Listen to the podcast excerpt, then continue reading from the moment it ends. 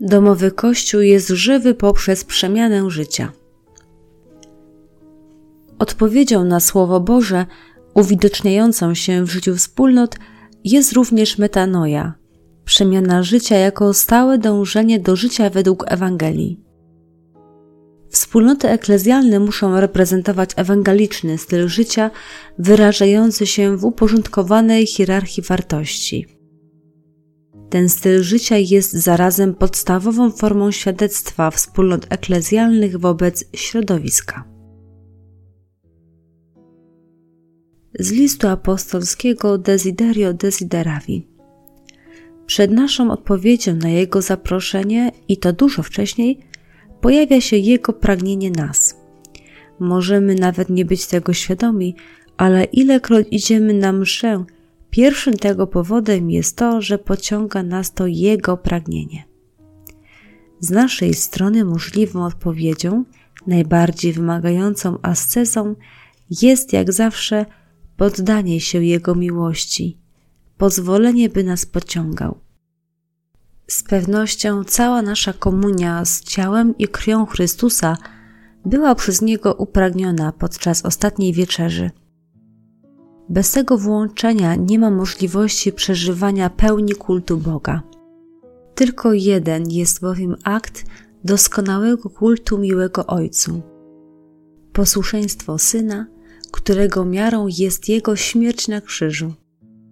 Jedyny sposób udziału w Jego ofierze polega na staniu się synami w synu. To jest dar, który otrzymaliśmy. Jeśli neopelagianizm zatruwa nas domniemaniem zbawienia uzyskanego dzięki naszym własnym wysiłkom, to celebracja liturgiczna oczyszcza nas, głosząc darmowość daru zbawienia przyjętego w wierze. Udział w ofierze eucharystycznej nie jest naszym osiągnięciem, jak gdyby można było się nim chwalić przed Bogiem i braćmi. Początek każdej celebracji przypomina mi, kim jestem, prosząc mnie o wyznanie grzechu i zapraszając do błagania Najświętszej Maryi Zawsze Dziewicy, aniołów świętych i wszystkich moich braci i sióstr, aby modlili się za mnie do Pana. Z pewnością nie jesteśmy godni wejść do Jego domu. Potrzebujemy Jego słowa, aby zostać zbawionymi. Nie mamy innej chluby, jak tylko z krzyża Pana naszego Jezusa Chrystusa. Liturgia nie ma nic wspólnego z ascetycznym moralizmem. To dar Paschy Pana, który przyjęty z uległością czyni nasze życie nowym. Z tego, co powiedzieliśmy o naturze liturgii, jasno wynika, że poznanie tajemnicy Chrystusa, decydującej o naszym życiu, nie polega na umysłowym przyswojeniu sobie jakiejś idei, ale na rzeczywistym, egzystencjalnym zaangażowaniu w jego osobę.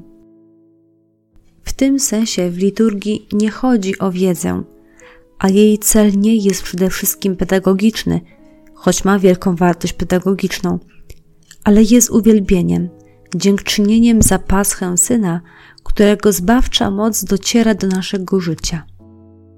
Celebracja dotyczy rzeczywistości naszej uległości wobec działania Ducha, który w niej działa, aż do ukształtowania się w nas Chrystusa. Pełnią naszej formacji jest upodobnienie się do Chrystusa. Powtarzam, nie chodzi o proces myślowy, abstrakcyjny, ale o stawanie się nim. Taki jest cel, dla którego został dany Duch Święty, który działa zawsze i tylko po to, aby tworzyć ciało Chrystusa. Tak jest z chlebem eucharystycznym, tak jest z każdym ochrzczonym, powołanym do tego, by coraz bardziej stawał się tym, co otrzymał jako dar w chrzcie, czyli by był członkiem ciała Chrystusa.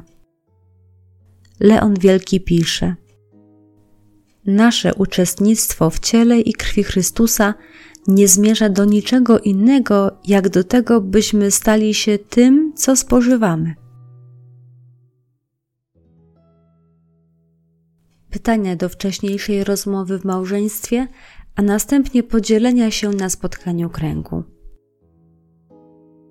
W jaki sposób nasza osobista, małżeńska i rodzinna droga formacji w domowym kościele prowadzi nas do uporządkowania naszej hierarchii wartości?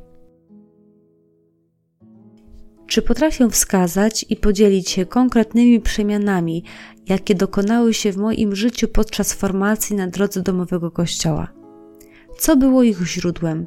Rekolekcje, modlitwa, postanowienia, Słowo Boże, świadectwo czy coś innego? Czy nasze miesięczne spotkania kręgu weryfikują naszą przemianę życia? W jakich momentach wspólnota jest dla nas umocnieniem, ale i wyzwaniem na tej drodze? Jeśli możesz, podaj przykład sytuacji, w której przemiana życia stała się formą świadectwa wobec środowiska, w którym żyjesz.